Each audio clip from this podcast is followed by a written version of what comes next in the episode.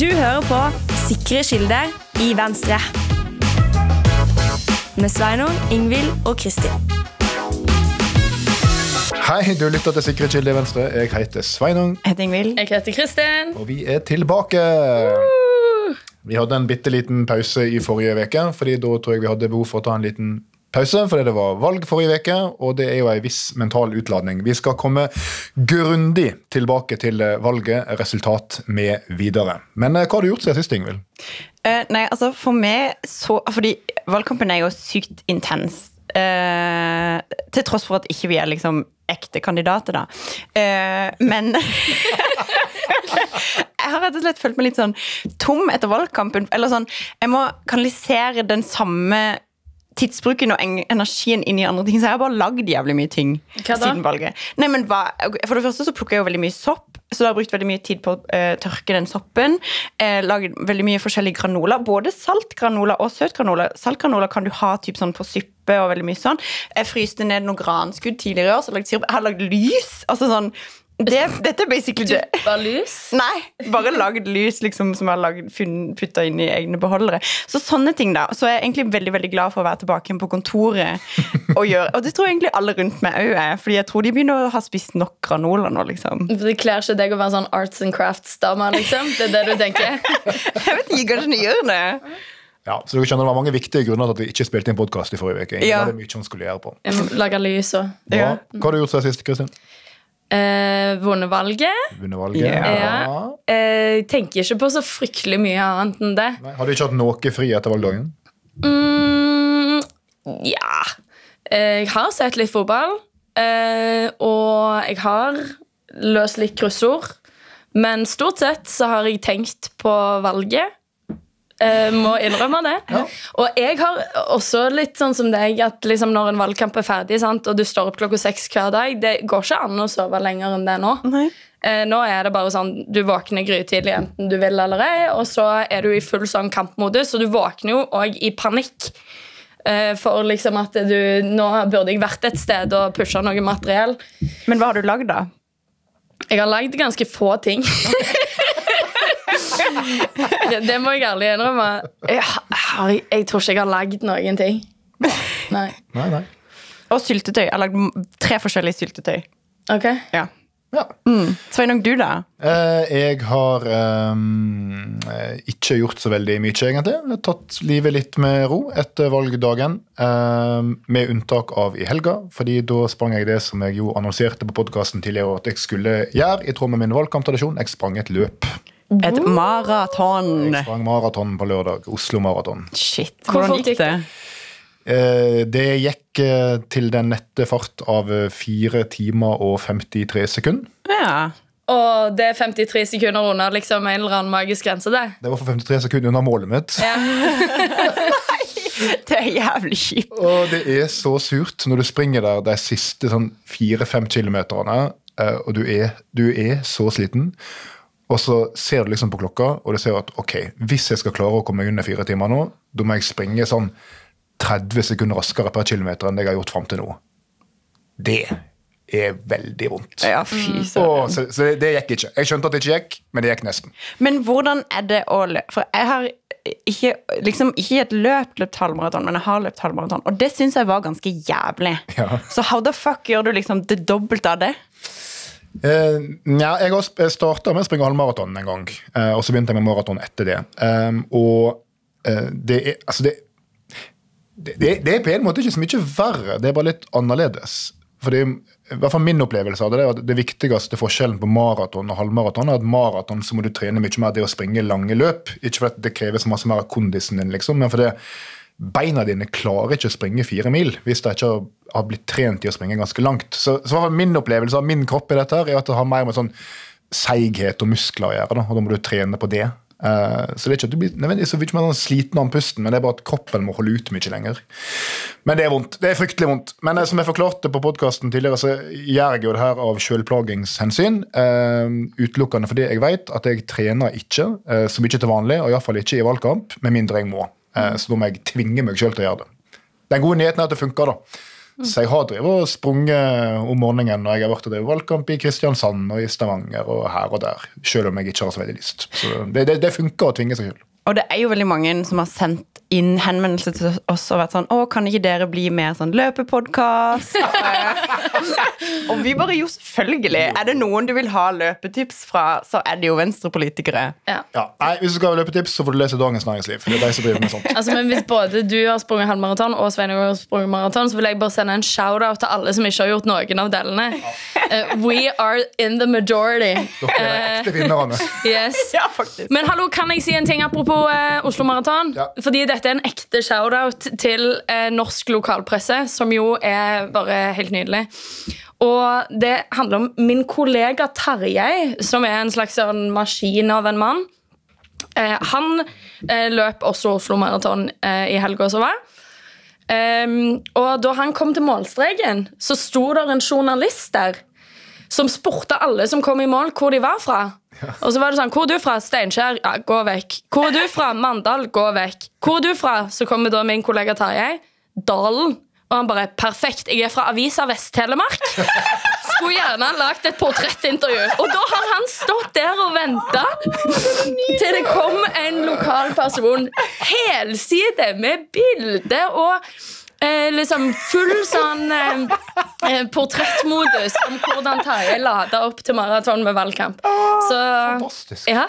Ok, Det er rått. Journalistene dette jobber, landet de jobber hardt. Særlig der de i de. Vest-Telemarks Blad. Ok, nok uh, tull. Nå må vi gå inn i det dype alvor, nemlig valgresultatet. Uh, og da ser vi det selvsagt fra Venstre sitt perspektiv. Um, Det mest interessante perspektivet. det mest interessante perspektivet. Ja. Noen vil selvsagt si at det er interessant at Høyre blir Norges største parti, og at MDG er det dårlige og sånt, men det er ikke vi opptatt av. Vi er opptatt av partiet Venstre. Ja, ja, Ok, Så du som har jobba så masse, Ingvild. Uh, reist rundt. Fornøyd? Misfornøyd? Medium fornøyd? Nei, men, I sum? Jeg, I sum For fornøyd. Altså, vi går fram. Vi gjør det bra. ja. Vi gjør det særlig bra i de store byene. Eh, folk har stått skikkelig altså, Og bare sånn Fordi jeg føler at vi i tillegg til å ha gått fram, så har vi Organisasjonen har funka sykt bra. Altså Vi har bygga organisasjon gjennom denne valgkampen òg. Så jeg, ja, jeg er fornøyd. Jeg nekter å høre på de som er sånn Å, vi skulle gjort det enda bedre. for de meningsmålingene». Nei, det gidder jeg faktisk ikke. Vi har gått fram, det er det eneste jeg bryr meg om. Ferdig. Ok, Kristin, da? Eller Klarer du å tenke på det overordna perspektivet, eller er det bare Oslo? Nei, Jeg tenker bare på Oslo. Okay. Altså, jeg, jeg tror Venstre fikk 5% er det riktig? I nasjonalt, ja. Ja. Fem, fem blank. Ja, fem blank. Ja, men da, da har jeg i hvert fall fått med meg det i alt Ja. mylderet. Bra. Eh, men uh, jeg, jeg tenker jo mest på Oslo Venstre. Jeg skal jo innrømme det. Det, det er kanskje også naturlig, siden har, det er der jeg har vært valgkampsjef. Uh, og vi klokka jo inn på pent resultat, 9,1 Beste valget Oslo Venstre har gjort i et kommunevalg siden 1913. Det må sies å være en prestasjon. Og enig med Ingvild også i at det å se vår organisasjon i Oslo Venstre blomstre på den måten som den har gjort Vi har bydelslag i byen som har løfta seg altså mange tusen hakk fra tidligere valgkamper. Og se liksom den entusiasmen som er rundt partiet, all den jeg håper å si, givergleden av frivillige sin tid. Eh, at de bare liksom har lyst til å bidra. Folk har stått på nærmest døgnet rundt. Eh, som Halsten, eh, vår førstekandidat, sa på valgnatten, det er folk som har tatt permisjon fra jobb for å drive valgkamp. Det er folk som har bare tatt sjansen på at de ikke blir sparka. Og bare gått fra jobb for å stå på stand i stedet fordi Arbeiderpartiet var ute. Eh, og det er liksom det, den innsatsen der som gjør at vi er der vi er nå. da I tillegg til at vi selvfølgelig har best politikk. ja, I all beskjedenhet. Absolutt. Nei, det er imponerende. Og jeg tror også nasjonalt altså øh, Fem blank opp fra 3,9 i 2019. Um, ett av fire parti som går fram. De to andre er jo Høyre, Frp og SV. Um, så det er på en måte all grunn til å være fornøyd med det. Uh, Så tror jeg sikkert noen i partiet var sånn hadde håpa det skulle bli enda bedre. For det var jo en del kommunemålinger sånn som viste at dere kanskje kan vi klare 5,5, 5,9, til og med over 6. Men jeg tror samtidig så kan jeg liksom vite at det er feil marginer i målinger. Av og til blir vi målt for lavt, av og til blir vi målt for høyt. Um, men det er klart, det å gå opp fram såpass mye med såpass mange velgere er et solid løft. altså. Og jeg vil si, Kanskje særlig i en valgkamp der en av våre aller største konkurrenter, nemlig Høyre, gjorde det kjempebra. Eh, og en valgkamp som vi får være ærlige ikke var dominert av Venstre sine kjernesaker. Eh, det var jo stort sett liksom ja, eldreomsorg og eh, privatøkonomi og skatt og sånt som ble diskutert. og Venstre har masse politikk på alt det, men det er jo ikke det folk først og fremst forbinder med oss. Eh, det, da er det mer liksom klima og skole og sånne ting som er viktig. Så liksom, I lys av alt det så tror jeg at vi skal være veldig fornøyd. Men det som også er viktig å se, da, tenker jeg, er at um, dette var ikke et valg der Venstre klarte seg ganske bra bare fordi vi gjorde det bra i liksom, Oslo og Bærum og, og Bergen. um, men fordi at det var en ganske sånn brei vekst eh, nesten overalt. Altså, det finnes kommuner der vi har gått ned, men i bredt har vi gått fram overalt. Um, ble største parti i eh, typiske distriktskommuner som Oppdal, eh, Ulvik, men også i en mellomstor by som Kristiansund. Eh, og som Ingvild sier, eh, jevnt over solid i storbyene. Eh, det hjelper jo godt på. Um, så, så det at liksom, det er en sånn bredde i løftet her, da, tror jeg er en veldig god investering fram mot, uh, fram mot 2025. Helt enig. Og Så, ja. altså bare eh, nå, nå vet jeg at uh, ikke, jeg ikke bare må snakke om Oslo her, men i Oslo har vi samme tendens. Det er ikke én valgkrets i hele byen av 102 eller hva det er, der vi går ba tilbake. Vi er det eneste partiet som liksom stiger i alle bydeler. Um, eller går fram overalt. Det, ja. så, så det at man har den bredden som du sier, er kjempeviktig. Og jeg tror òg at det er litt sånn lett sett utenfra å se på sånne enkeltmålinger og få veldig store forventninger, men særlig når man måler lokalt i en sånn type valgkamp som dette, eh, så er det mange eh, meningsmålinger som vektes mot 2021, f.eks., som var et enormt godt valg for Venstre. Mm. mens eh, hvis man sammenligner med 2019, som er det forrige lokalvalget, så ser man jo at framgangen faktisk er megasolid. Så jeg har bare lyst til å si til det som du sa, at eh, denne Nei, denne valgkampen ikke har vært dominert av Venstres hovedsaker. Jeg, jeg mener det når jeg sier at jeg føler ikke denne valgkampen har vært dominert av noen saker. Jeg synes det har vært litt sånn retningsløst, hele greia. Litt vanskelig egentlig å navigere i for noen som skal drive valgkamp. Hva er det som tegner seg ut som hovedsakene? Ja, da har folk vært opptatt av privatøkonomi, men det skyldes ikke bare denne valgkampen. Det har folk vært opptatt av ganske lenge. Um, eldreomsorgen har vært litt på banen. Det har vært noen sånne grelle eksempler rundt forbi enkelte kommuner på liksom at ting ikke står så bra til. Men det har liksom ikke vært sånn at det har dominert som den store valgkampsaken. I alle fall er ikke det min opplevelse, så derfor syns jeg denne valgkampen har vært litt annerledes.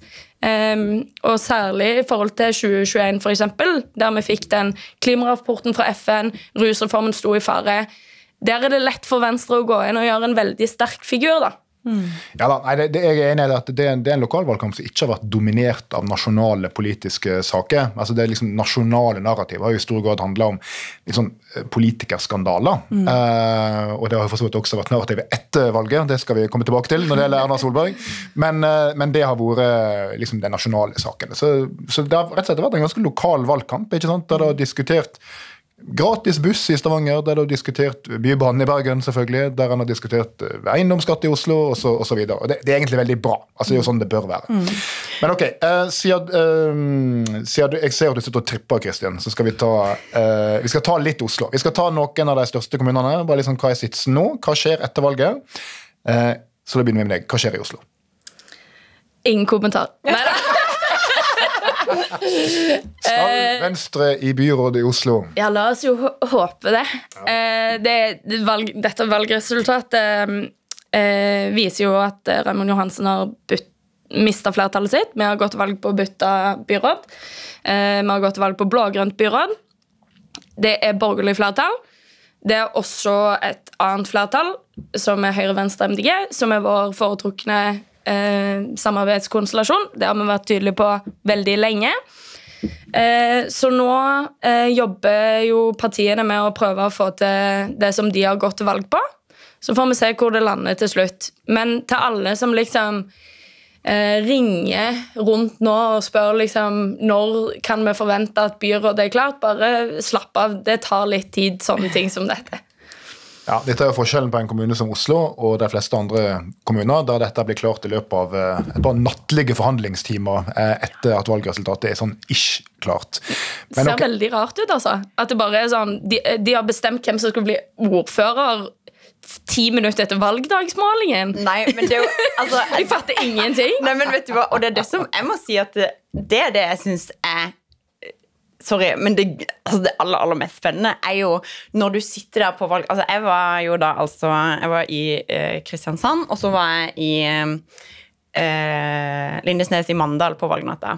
Eh, og eh, der er det jo sånn at du setter deg ned og forhandler på natta, altså så fort resultatene kommer.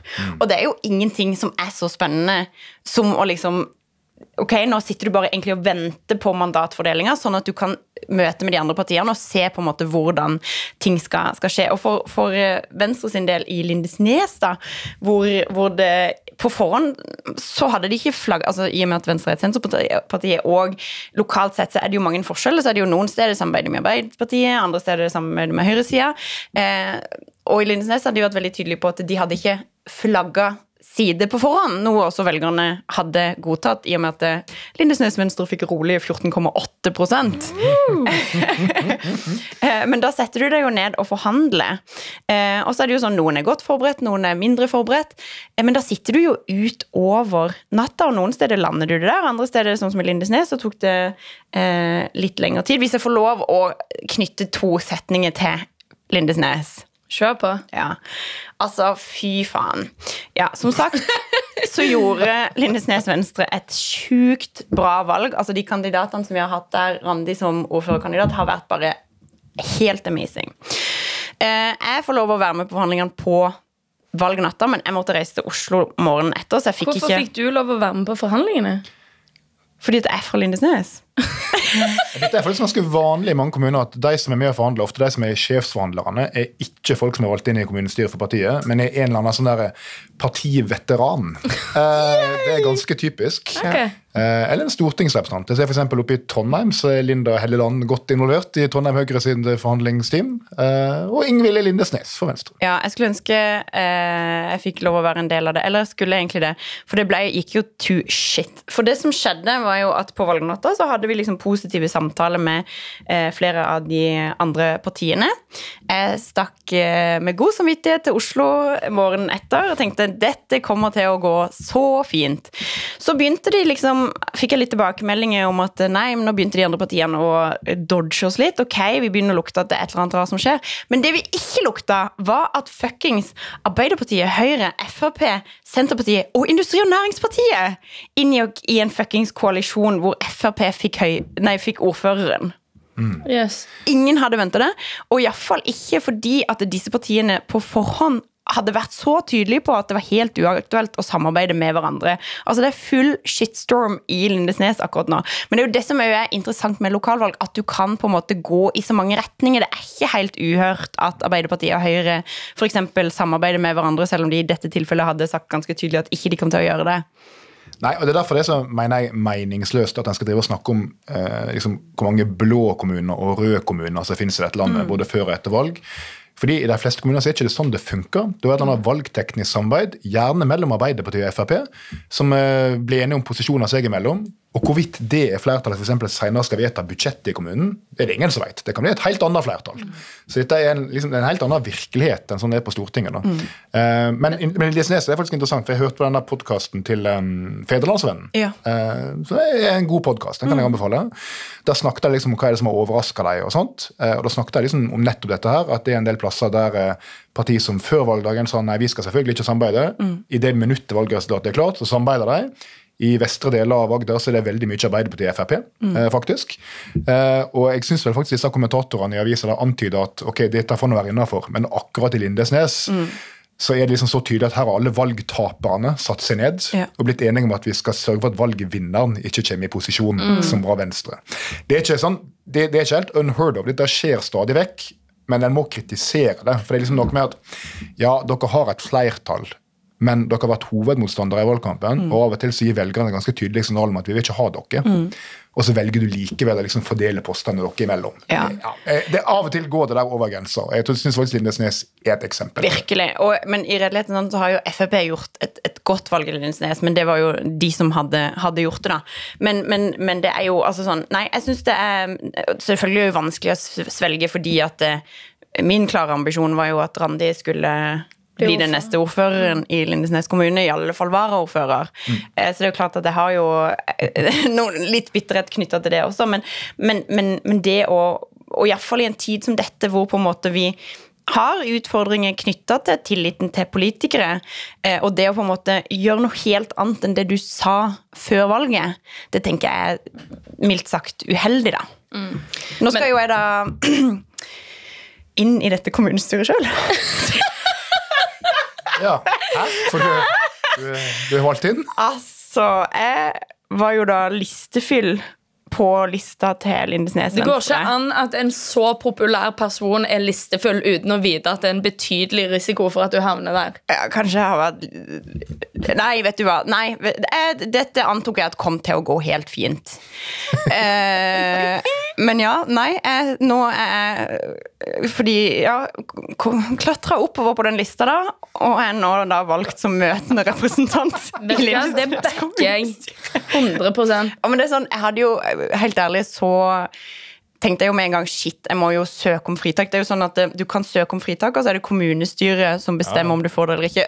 En liten digresjon er jo fuckings Alfred Bjørlo. fordi Da han var ordfører, så var han så jævlig streng på de der fritakene. Han ga aldri fritak. Så da han kom inn på Stortinget og eh, søkte fritak, så var det sånn Hei, hei, takk for sist. Fuck off. Du får ikke fritak. Men nå er det jo litt sånn Jeg har litt lyst til å være der. Ja, Jeg har har du det. Altså, er valgt inn, så jeg må prøve å uh, få det til å funke. da. Men spørsmålet er, Ingvild, kunne du eh, tenke deg, og hvis du fikk muligheten til det, å sitte som ordfører i Lindesnes samtidig som du er stortingsrepresentant? Og grunnen til at jeg spør, er at dette er det som nå skjer oppe i Alta. Ja. Der eh, Bengt Rune Strifeldt, som er stortingsrepresentant for Frp i Finnmark, eh, nå har blitt spurt om å være ordfører i Alta. Og i hvert fall Det siste medieoppslaget jeg så, så sa han at ja, det kunne han godt tenke seg. Og det Ja. kan han gjerne kombinere med å sitte på Stortinget. Og Frp der har nå valgt han som sin ordførerkandidat. De er jo tydeligvis ikke ferdig med forhandlingene der, så vidt jeg skjønner. Men de, de har, Frp har nå da gått inn for at han er deres ordførerkandidat. Ja, Det er jo selvfølgelig lov. Det er ingenting i veien Men med det. Men er det lurt? Men det er noe med Skal du ha to 100 %-jobber på to forskjellige plasser med 2000 km imellom? Det virker ikke 100% gjennomførbart. Men er det ikke nesten verdt liksom for Fordi ofte så ordfører en viktig jobb for ordføreren er jo nettopp å lobbe for kommunen sin inn mot Stortinget. Jeg vil gjerne se den seansen hvor han liksom bare flytter seg fra den ene stolen til den andre. Kanskje han tar på seg en annen hatt, eller et eller annet sånt. Han tar på seg kjede når han er ordfører, og så tar han det av når han er stortingsrepresentant. Oh, Det vil jeg gjerne se. Det vil gjerne jeg òg se. Altså, jeg må bare si, Når vi sitter og diskuterer dette, liksom at det, nå, det tar litt tid i Oslo, og det tar litt eh, kortere tid andre steder eh, Vi må jo bare si også at det handler jo om at vi har ulike styringsmodeller i ulike kommuner. Vi har et byrådssystem i Oslo. Det er litt annerledes enn eh, enn hva man har i Lindesnes. Eh, Det handler om at du skal forhandle politikk. ikke sant? Når, når du skal styre på den måten, og du faktisk kan stille mistillit mot de som styrer, så må du ha en politisk plattform i bunnen. Mm. For det er klart at Hvis Høyre går på i Oslo med byrådsleder, så kan bystyret senere kaste han. Jepp. Men et bystyre kan ikke bare drive og kaste en ordfører. Altså, Det, det skjer jo ikke. Nei. Så hvis du først har fått deg et verv, varaordfører, ordfører, utvalgsleder, det en sitter og forhandler om på valgnatta, så sitter du i det vervet. Så Derfor har du jo en ikke helt uvanlig situasjon i den typen kommuner at ordføreren sitt parti ikke er med å vedta budsjettet. Altså Det ville vært helt absurd i en by som Oslo eller Bergen, for du har en parlamentarisk styringsmodell. Så, så der ligger jo mye av forskjellen. Mm. Men du, hallo, apropos hva skjer i Bergen. Fordi det ser ut som om Bergen har tenkt å fortsette med å være det mest liksom, fucka stedet for politikk i Norge. Ja. Det er mye weird. Vi kan ta to ord om Bergen. Um, det er jo en del ting som har skjedd i dette valget her, uh, som har vist liksom at ting en har lurt litt på, kan dette skje rent teoretisk, faktisk skjer i praksis. Uh, en av dem er jo hva skjer dersom et parti sine velgere gir så mange slengere til andre mandat at det svekker partiet sin stemme såpass kraftig at de faktisk mister sin egne mandat. Dette liksom, de som følger godt med, vet at dette kan skje i teorien, skjer aldri i praksis. I Bergen skjedde jo det, eh, der mandat begynte å flytte på seg. Eh, som da førte til eksempel at noen av de argeste bybanemotstanderne kom inn og ble løfta opp inn i bystyret. Men så også førte til at enkelte partier mista mandat. Eksempel så mista Høyre et mandat til MDG. Og så mista Bergenslisten, som er ei ren protestliste mot Bybanen, et mandat til Venstre. Helt til det viste seg, etter at valgoppgjøret var godkjent i valgstyret, at han ene de hadde kryssa opp på Høyre sin liste, han var ikke folkeregistrert i Bergen, så han kunne ikke bli valgt. Og Da ble alle slengerne tilbakeført, og så mista Venstre det mandatet likevel. Vi skal ikke snakke så masse mer om det her, det er veldig valgteknisk, men det, det som kan greit å si i denne sammenhengen, dette er sånn som aldri skjer. Men Bortsett fra i Bergen. men plutselig skjer, plutselig skjer det i Bergen. Men hva skjer maktpolitisk i Bergen? Nei, Dette er jo veldig interessant. Fordi eh, all politikk i Bergen handler om Bybanen. Um, og det er jo mange som mener at det er teit. Hvorfor er det sånn? Eh, men det er egentlig ikke så teit hvis du tenker over det. For dette er eh, den viktigste infrastrukturinvesteringene i den byen de neste 100 åra. Det er det som kommer til å styre byutviklinga. Det er den desidert største pengeutgifta. Det koster titalls milliarder. Så her henger alt sammen med alt. Så det, så det er rett og slett veldig viktig. Eh, og det er med respekt å melde viktigere, mener jeg, enn hvorvidt eiendomsskatten er sånn promille eller sånn promille, eller hvorvidt en eldre institusjon er kommersiell, privat, kommersiell eller eh, offentlig. Altså Alt det der kan du omgjøre i løpet av to-tre år. Dette her er liksom byutviklinga i Bergen i et hundreårsperspektiv. Så, så, så det er viktig.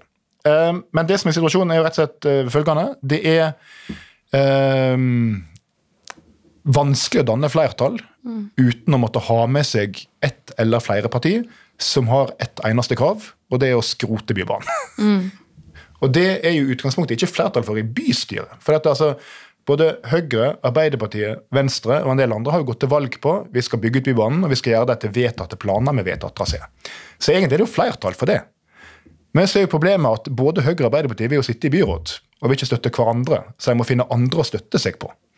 Så Høyre, som har gått til valg på at vi skal eh, ikke ta omkamp om Bybanetraseen, vi skal stå på det som er vedtatt, på valgnatta gikk ut i media og sa er vi åpne for å forhandle om det likevel.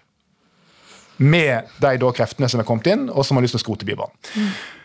Um, og de har flertall, faktisk. Uh, jeg har ikke flertall for noe annet, men de har flertall for det. så, og så har Venstre i Bergen sagt at hører, vi, vår viktige sak er å gjennomføre Bybanen. Vi ser nå at det er ikke lenger flertall på den sida vi har samarbeida med, altså med Arbeiderpartiet, for å sikre det. Men vi ser at hvis vi kan samarbeide inn mot sentrum Høyre med partiet Høyre, og få dem til å holde fast på det de faktisk har sagt, så kan det være flertall for dette. her. Så det skjedde jo da. ikke sant? Så Venstre, Høyre, KrF gikk sammen og sa ok, vi skal forsøke å danne byråd. Vi vil at Bybanen skal bli bygd sånn som den er foreslått. Men så sier Arbeiderpartiet sin byrådsleder at ja vel, men dere har ikke flertall, så jeg nekter å gå av. Og nå sier bybanemotstanderne at vi kommer til å peke på Arbeiderpartiet helt til Høyre snur. Å, Jesus. Det er enkelt oppsummert. Så det som skjer nå, er rett og slett en utpressingssituasjon. Der de ekstreme bybanemotstanderne i bystyret, som har mindretall, og det er viktig å si, det er ganske mange, men det er nå tross alt 17 av eh, 67 mandat, sier at vi kommer til å nekte Høyre å danne byråd før Høyre eh, bli enig med oss om Bybanen. Så der er sitsen akkurat nå. Høres helt Ja. fucka ut. Det her er mildt sagt eh, krevende landskap. Det der hadde ikke blitt løst på en valgnatt. Nei, dette Nei, Det illustrerer jo egentlig poenget, for her må du ha flertall for politikk. ikke sant? Ikke bare posisjoner. Ok, det er Bergen. Eh, kan jeg si en ting, ting? Apropos ting du lurer på kan skje i teorien, men aldri skjer i praksis. Ja. før det plutselig skjer. Eh, kommunen Flekkefjord eh, på Agder er jo en interessant kommune. Mildt sagt. Uh, og det mest interessante ø, i, min, i mine øyne, det er jo at jeg har alltid lurt på hva skjer hvis et parti får valgt inn flere kommunestyrer enn de har på lista si. Fordi at Vi er jo vant til at Venstre og alle andre Ja. partier vi lager jo lister med et visst antall navn. Minimumsnavn antall navn er sju. Så det er mange kommuner der vi jo um, har et lite velgergrunnlag for medlemmer. Stiller en veldig kort liste med sju medlemmer. Men så har gjerne kommunestyret 27 medlemmer. da. Så det er sånn, Hva skjer rent teoretisk hvis Venstre plutselig får 30% og vi må ha flere enn sju medlemmer? Dette har jo aldri skjedd før. For det er en grunn til at du har få på den lista, du har et lite velgergrunnlag. Men i Flekkefjord skjedde det. Fordi Frp hadde ei liste på 14, Og så gjorde de et heidundrende bra valg og fikk valgt inn 16. Og svaret på hva skjer da, når du får valgt inn flere enn da på lista di, er at da går de mandatene til andre parti. Ja. Er det sant? Jeg ville trodd det var opp til partiet å supplere. Nei da. For du har jo ikke stilt til valg. Nei, nei. Det har ikke kommet rassende med et navn Nei. som ikke har stilt til valg. Så det mandatet gikk vel til sånn Arbeiderpartiet og SV eller et eller annet sånt. Det gikk liksom til neste parti på lista som skal ha mandat. Men det som er sjukt òg, er jo at eh, altså denne Frp-ordføreren, som er da altså så insanely populær i Flekkefjord Han, jeg vet ikke om Dere husker jo det? Det var jo flanellskjortemannen som ble valgt liksom som en overraskelse for seg sjøl òg. Han ble valgt til ordfører for fire år siden med ni stemmer for og 26 blanke. Flanellskjorte? Jeg er litt lost her nå. Jeg følger ikke så mye med på Flekkefjord, med unntak av at hvis jeg ikke får pils, så pleier jeg å ta flikkflakk der. Altså det som altså jeg, jeg har researcha derfor vi gikk inn i podden, og det som skjedde den gangen for fire år siden, det var at det var en slags avtale om hvem som skulle bli ordfører, og så var det noen som stemte feil. Ja. Og da ble Høyre sin kandidat så fornærma at han ikke ville stille likevel. Og da var det plutselig ingen ordførerkandidat, og så var det noen som foreslo ja, ja, vi kan foreslå Frp sin. Og da stemte, ja, og da stemte jo nesten alle blankt, bortsett fra ni stemmer. Men han var den kandidaten som stilte, så han ble valgt. Og, eh, ja, og han, han har jo altså da blitt så populær. Går han alltid i flanellskjorte? Jeg er interessert i dette kallenavnet. Ja, han gjør det, for at, eh, Da han ble valgt for fire år siden, så satt han det er et sånn ikonisk bilde der han satt foran. da, Han ble nettopp valgt som ordfører og sitter med sånn hvit T-skjorte og ei flanellskjorte utapå det. Og et digert ordførerkjede Ja. utapå flanellskjorta. Men han, altså sånn Men Goes to Show, da. Og han, altså, han er supergodt likt. Klung, ja, Klungland, jeg, jeg tror det var Feven som gjorde en sånn reportasje med han dagen etter valget nå sist. Da hadde de med flanellskjorte til han. Eh, selvfølgelig, som du gjør. Litt sånn Se og Hør og drikkegenser. strikkegenser. Absolutt. Eh, og han er bare rett og slett altså sånn, På de fire årene så har han bare liksom vokst enda mer i befolkningens øye. Og de, altså, de har jo stemt på han. Det er jo det som har skjedd. Og det, det, altså, så han har egentlig blitt så populær at stemmene til Frp nå har begynt å fordeles på andre parti. Det er helt riktig. Han fikk, han, han fikk sånn 45% eller noe sånt. Så eh, han, han fortsetter nok som ordfører, selv om ikke alle mandatene skulle fått ble tildelt Frp. Det er noe av det villeste jeg har hørt. Ja, dette er en, eh, ja. Det har skjedd mye, mye vi kunne snakke om dette valget. her. Vi har vært gjennom litt av det som vi har kommet på nå etter innfallsmetoden. Vi, vi, er, vi, er, litt, vi, er, litt, litt slitne. Eh, men eh, vi må også innom det som jo uten tvil er den store snakkisen etter valget. Og det er rett og slett Erna Solberg sine habilitetsutfordringer. Og dette er jo sånn type ting som er alltid litt sånn krevende å, å, å, å snakke om. fordi at vi skjønner at her, når det er sånne politikere som er i en storm uh, av våre kollegaer, så er det alltid det er at det er krevende for deg privat, personlig. og Dette er jo mildt sagt, mildt sagt personlig og privat. Så du får liksom beretta ut veldig vanskelige ting i offentligheten. Uh, men når det er sagt, så er det jo jeg sier dette her, og vi har stor respekt for det. Men det, det jeg sier dette her som også er veldig alvorlig konstitusjonelt, eh, som handler om kontrollfunksjonen Stortinget skal utøve, eh, som jo vil bli det store temaet nå framover. Og det spørsmålet er jo ikke hvorvidt Høyre burde sagt mer før valget og sånt. Det er på en måte et spørsmål mellom deg og velgerne. eh, Og det er ikke spørsmål om hvorvidt hun skal være Høyre-leder eller ikke. Det er det Høyre sine medlemmer som avgjør. Men det er hun har sittet som statsminister og sier sjøl at hun har vært inhabil i beslutninger hun har vært delaktig i rundt ulike selskap som mannen har investert penger i. Um, og vi veit ikke ennå det fulle omfanget av det. Uh, og, og det er på en måte vanskelig å tenke seg noe mer alvorlig enn at en statsminister sitter og um, tilsynelatende uten å vite det, behandler saker som påvirker sin egen private økonomi. Um, så det her blir jo en kontrollsak der uh, Grunde Almland, som er vår kollega, er saksordfører. Um, og uh, jeg tror vi, er knapt i gang med det kapitlet. Men jeg vet ikke, engang hva tenker du som uh, stortingsrepresentant rundt uh, vår kollega i Hardware? Nei, altså Det var jo en sjokkerende pressekonferanse eh, forrige uke. Altså mildt sagt. Eh, og så er det jo altså Du kommer jo ikke unna altså, at dette her er jo som du sier, da, så personlig òg. Eh, hun, hun, har, hun forteller jo selv at hun har blitt bedratt. Altså at hun har eh, blitt løye for. Hun har ikke visst at hun har vært inhabil i disse sakene. Og det har jo vært en, hun forklarer jo at det har vært aktiv fordekking av eh, det faktum at eh, ektemannen hennes da har mildt sagt vært aktiv i, i daytrading. Og det er jo altså sånn De tankene som jeg gjør meg, også, og der, har hun jo, der var hun jo også um, altså sånn, Jeg syns jo det var en, en veldig ærlig og sår pressekonferanse. Altså, hun var jo veldig ærlig på, på de altså, For du må jo nødvendigvis komme inn på de personlige forholdene. og Det ser jeg jo at det er en del politikere som er ute og kritiserer nå. Altså at, at det er uærlig at man skal inn på liksom, det personlige plan. Men, men how the fuck skal du ikke gjøre det i denne saken her? Det er jo personlig. altså Det er en ektefelle som, som har holdt ting skjult for deg, som har store, store konsekvenser for ditt politiske virke. Eh, og så, så har jo hun vært ærlig, og så har jo kanskje Høyre gått enda sterkere ut eh, i ettertid, da. Eh, og, og på en måte sagt hvor skylden ligger, da. Og det er jo sånn det ser jeg jo også eh, på med litt sånn eh, tidligere forsvarerbriller. og det er jo nettopp det at hvis du eh, mener da at du er dratt inn i noe av noen andre, så er det klare rådet som regel å ta sterk, sterk avstand eh, fra denne personen. Det er den eneste måten du kommer til å bli trodd på, eh, hvis du tenker rent sånn straffesaksmessig, da. Eh, men så har du jo personlige forhold inni dette for henne. Eh, som ikke er tilstedeværende for de andre Høyre-representantene som kjenner til eh, hva som har skjedd. Men, men jeg syns diskusjonen begynner å bli liksom skitten nå, når, når folk kan stå på nasjonal TV og snakke om hennes privatliv og separasjon og disse her tingene. Det syns jeg er for jævlig. Altså, vi må klare å holde på en måte en menneskelig aspekt i dette her også. Altså Det må ryddes opp, man må få klarhet, men for faen, hold deg for god for å snakke om deres personlige relasjoner, hvorvidt hun burde skille seg eller ikke. Det, det er det ingen som har noe med. Nei. Herregud.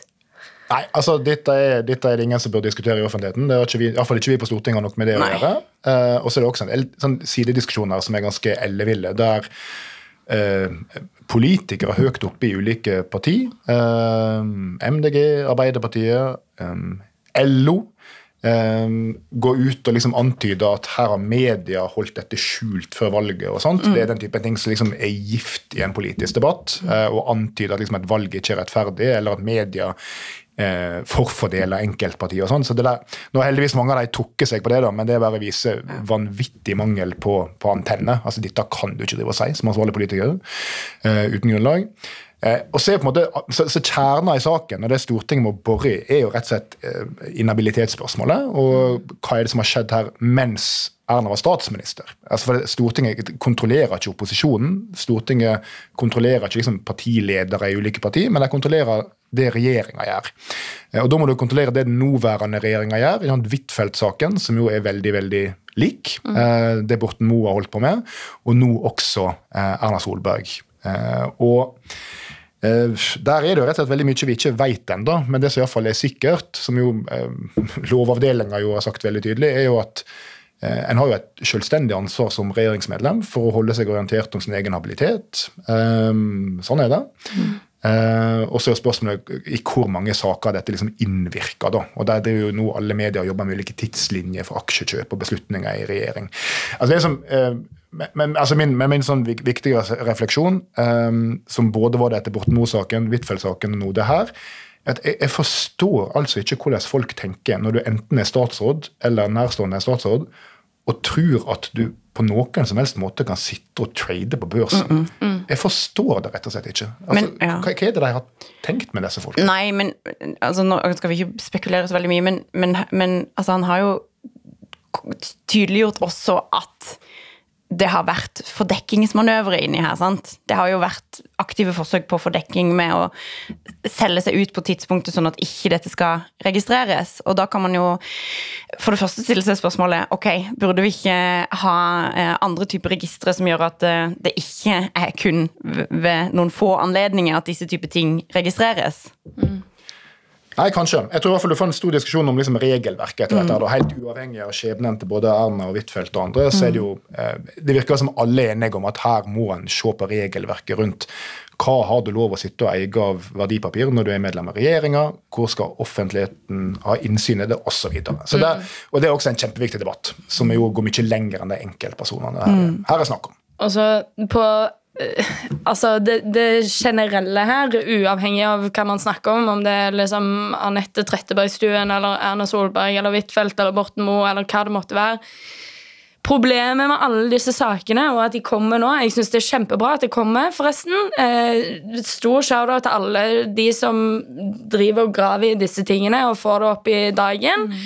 Eh, men vi må jo ta inn over oss at dette gjør noe med tilliten til demokratiet vårt. Det gjør noe med tilliten til politikere, og den er eh, eh, altså, Den har kanskje ikke vært liksom, skyhøy i Norge, men den har vært det sammenlignet med en del andre land. Og det har liksom vært noe vi har vært veldig stolte av, og som vi er nødt til å ta et felles ansvar for å klare å bygge igjen. For at den er dalende nå, det tror jeg ikke det er noe tvil om. Når det på en måte gis et inntrykk overalt av at eh, statsråder eller de sine ektefeller på en eller annen måte eh, er i en posisjon til å berike seg på på staten. Absolutt. Nei, så Det er et stort alvor over det her. Men eh, dette, dette kommer vi nok tilbake til, for dette blir en stor omfattende sak på Stortinget. Så vi får invitere inn Grunde, så får han si litt om hvordan han skal jobbe med det. som saksordfører og på vegne av Venstre. Vi, vi har selvfølgelig tillit til hans vurderinger, eh, men det hadde vært kjekt å få høre litt om dem. Så det, det får vi komme tilbake til. Ok, eh, jeg tror det er det vi gjør nå, både av valgoppsummering og andre ting. Så eh, har vi jo ambisjoner om å levere pod jevnlig utover høsten. Så vi, vi høres snart igjen. Ha det bra. Ha det. Ha det!